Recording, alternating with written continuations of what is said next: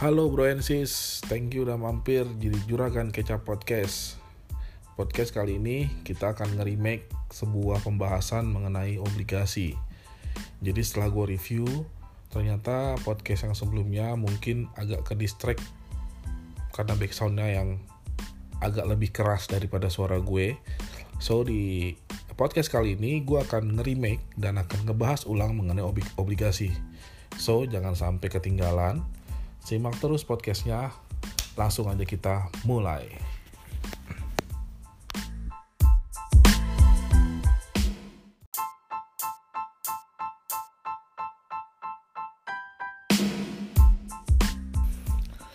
Oke, kita mulai dari apa itu obligasi.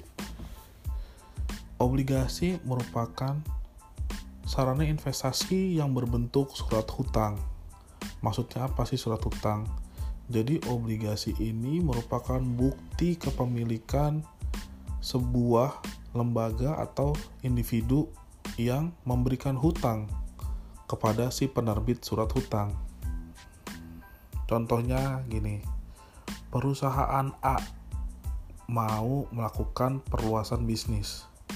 Dia membutuhkan modal misalnya 100 miliar. Lalu perusahaan A menerbitkan sebuah surat hutang yang ditawarkan ke masyarakat. Lalu ada si masyarakat bernama B membeli surat hutang ini dengan nilai 50 miliar. Nah, itulah yang dimaksud dengan obligasi. Surat hutang inilah yang disebut dengan obligasi. Oke, surat hutang ini juga bisa diterbitkan oleh pemerintah, ya. Jadi kalau surat hutang yang diterbitkan pemerintah itu contohnya ada suku, ori, uh, sukuk tabungan atau ST, SBR, saving bonds retail, ada fixed rate FR, ada juga indon. Ya. Jadi uh, ada macam banyak macam jenis obligasi. Nah, kita tanya sekarang apakah obligasi ini aman? Apakah invest di obligasi ini menguntungkan? Oke, dalam investasi yang paling penting itu adalah keamanan menurut saya. Jadi kalau kita bicara tingkat keamanan, level resiko obligasi itu bisa dibilang hanya satu level di atas deposito. Saya ulangi, tingkat resiko obligasi itu hanya satu level di atas deposito. Jadi, untuk masalah keamanan, menurut saya obligasi aman. Obligasi biasanya menjadi sarana pengganti deposito. Kenapa? Karena obligasi sifatnya mirip hampir mirip seperti deposito. Jadi kalau kita sejajarkan dengan deposito head to head ya, obligasi memiliki bunga sama seperti deposito. Ya kan? Bunganya tetap sama seperti deposito. Nah, justru malah di sini obligasi memiliki beberapa keuntungan. Kalau kita bandingkan dengan deposito, apa aja keuntungannya? Yang pertama, pajak obligasi lebih rendah daripada pajak deposito. Pajak obligasi 15%, pajak deposito 20%. Yang kedua, bunga obligasi umumnya lebih besar daripada bunga deposito. Contohnya, saat ini bunga deposito hanya bunga dari BI ya rate dari BI 3,75 persen 7 days ya itu 7 days uh, repo rate ya 3,75 bayangin 3,75 dipotong pajak 20% itu deposito. Atau ya oke okay, kasihlah bunga masih 4% gitu ya potong 20% itu deposito. Bunga obligasi masih ada yang 5,9 masih ada yang 6 bunganya. Pajaknya hanya 15% so di sini kelihatan mana yang lebih menguntungkan lalu obligasi juga memiliki nilai. Ya kita bicara nilai. Artinya apa? Contohnya gimana? Jadi kalau kita bicara deposito kita mau deposito nilai deposito kita 100 juta. Ya udah itulah nilainya 100 juta. Tapi kalau di obligasi itu ada nilai. Nilai awal nilai normal nilai par itu adalah 100 jadi kalau kita mau invest 100 juta lalu nilainya adalah obligasi itu 100, maka nilai obligasi 100 juta kita ya 100 juta. Tapi kalau nilai obligasi pada saat itu sedang turun, misalnya nilainya hanya 99 ya. Kita dengan nilai investasi 100 juta hanya perlu bayar 99 juta Sampai di sini paham? Jadi, kalau kita punya du duit 100 juta, kita mau invest 100 juta di obligasi yang nilainya 99, berarti kita hanya perlu setor duit 99 juta. Tapi nilai investasi kita 100 juta. Itulah keuntungan obligasi. Kenapa kok bisa begitu? Ya memang begitu ya dia punya nilai yang bergerak naik dan turun. Loh itu kan namanya resiko dong. Kalau ternyata dia makin turun dari 99 jadi 98 tenang jangan takut. Tadi saya bilang nilai normal nilai par nilai launching sebuah obligasi itu adalah 100 yang artinya ketika dia jatuh tempo dia akan balik lagi ke nilai launchingnya nilai parnya 100 So kalau misalnya kita beli obligasi di harga 99, kita sudah pasti untung modal 1%. Kenapa? Karena pas jatuh tempo itu akan balik ke 100. Artinya kita dapat 1% atau kalau tadi investasi 100 juta, kita bayarkan cuma 99 juta. Pas cair kita dapatnya 100 juta nilai modal ya itulah keuntungan obligasi. Terus kalau harganya mahal bagaimana? Jangan takut. Kalau ternyata harga obligasi yang kita mau beli itu harganya lebih tinggi dari 100 jangan takut. Kita bisa melakukan analisa apakah obligasi ini harganya masih bisa naik atau tidak. Ada kok harga obligasi yang harganya 120 125 banyak 140 pun ada. Nah, tapi perlu diingat ketika memilih harga obligasi yang sudah tinggi harus dianalisa apakah masih mungkin naik, apakah masih akan naik atau malah nanti turun. Yang pasti kalau kita beli di 102 misalnya, ketika jatuh tempo dia akan kembali ke 100. Wah, berarti kalau gitu rugi dong belum tentu. Ya belum tentu. Sekarang gini obligasi ini jangka waktunya panjang. Kalau kita beli ibaratnya jangka waktu obligasi yang 10 tahun ya yang 10 tahun kita beli harganya 102 kemahalan dong.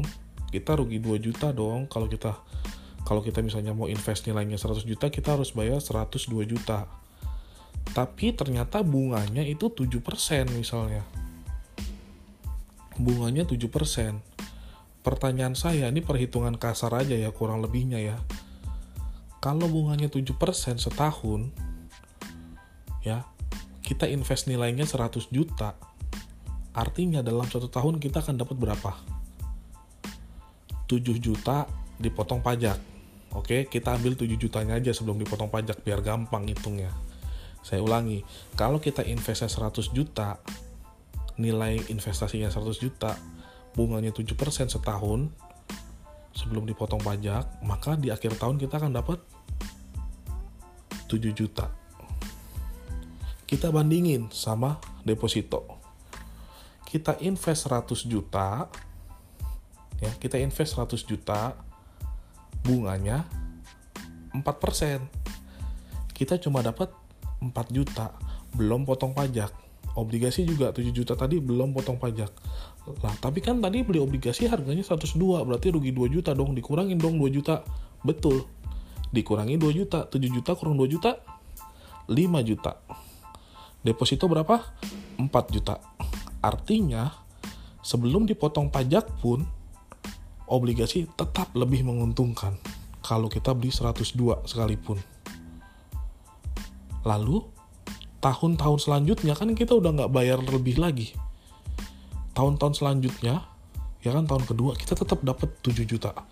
Dapat 7 juta ya kan potong pajak potong pajak. Pajaknya pun cuma 15% coba kalau deposito 4 juta potong pajak 20% tahun berikutnya belum tentu masih 4 bisa jadi tahun berikutnya turun lagi atau bahkan bulan depan bunganya turun lagi ya kan? Iya kalau misalnya 4 juta itu tenornya setahun. Kalau cuma tenor 3 bulan 3 bulan kemudian bunganya turun lagi makin kecil lagi kita dapat deposito bunganya.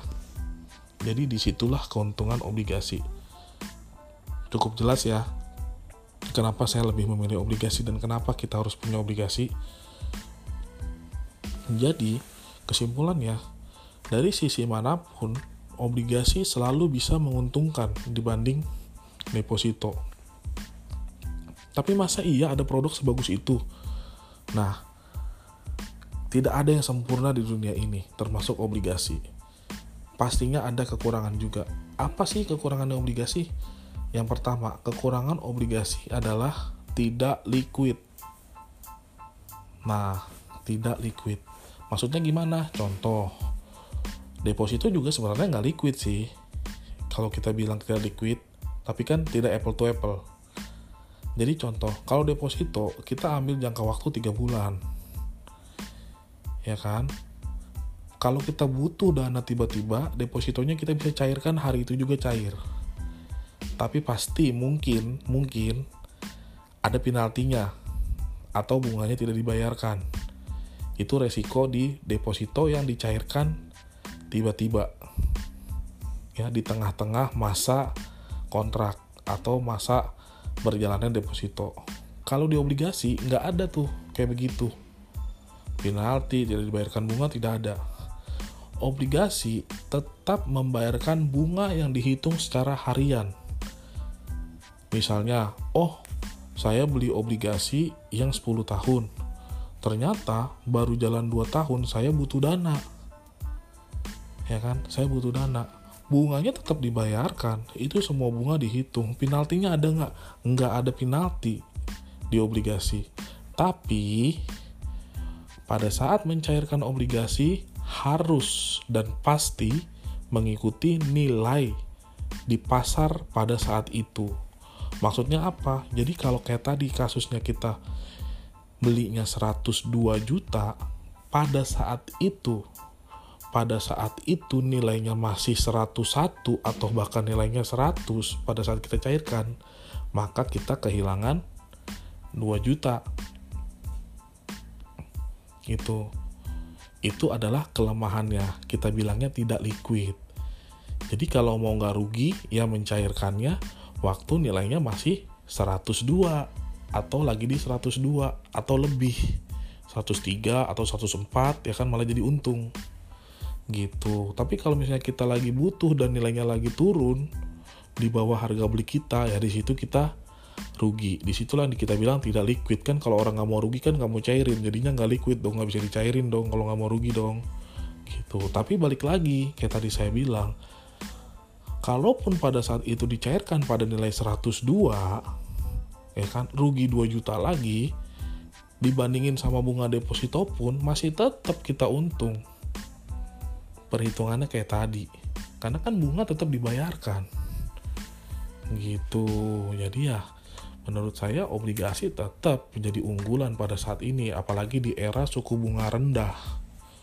2000 2021 kemungkinan ekonomi kita masih stabil atau baru bertumbuh. Karena kan sekarang masa pandemi ya. Namanya recovery kita nggak tahu akan berapa lama jadi kalau ekonomi kita masih stabil atau dalam dalam masa masih mau bertumbuh, rasa-rasanya belum mungkin tuh suku bunga dinaikin. Ya.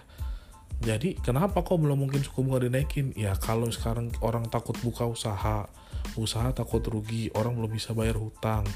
Kalau suku bunganya dinaikin, makin kasihan dong orang yang punya hutang di bank yang buat usaha. Jadi mungkin masih akan ditahan suku bunga rendah di 2021. Jadi obligasi masih sangat menarik gitu. Loh, dampaknya apa sih kok ngomongin obligasi sama suku bunga? Nah, ini pertanyaan bagus. obligasi selalu berkaitan erat dengan suku bunga Bank Indonesia. Jadi, harga atau nilai yang tadi saya bilang yang 100, 102, 99 itu selalu berkaitan erat dengan bunga deposito atau bunga perbankan. Semakin turun atau semakin rendah bunga deposito atau suku bunga di perbankan, maka harga obligasi akan semakin naik atau akan semakin meningkat. Kenapa? Ya, tadi saya bilang, orang-orang kalau dijelasin obligasi pasti akan mikir dong, oh bunga deposito sekarang cuma 4%, dipotong pajak 20%.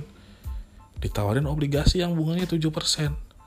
Pasti mereka akan pindah ke obligasi umumnya yang misalnya oh dananya nganggur banget investasi dana nganggur banget ya udah pindah ke obligasi karena banyaknya yang pindah banyaknya permintaan maka harga obligasi naik sebaliknya kalau suku bunga turun ya eh suku bunga naik suku bunga di bank naik dan semakin mendekati harga obligasi semakin mendekati bunga obligasi maka harga obligasi akan turun kenapa Misalnya, kamu pegang obligasi bunganya 7%.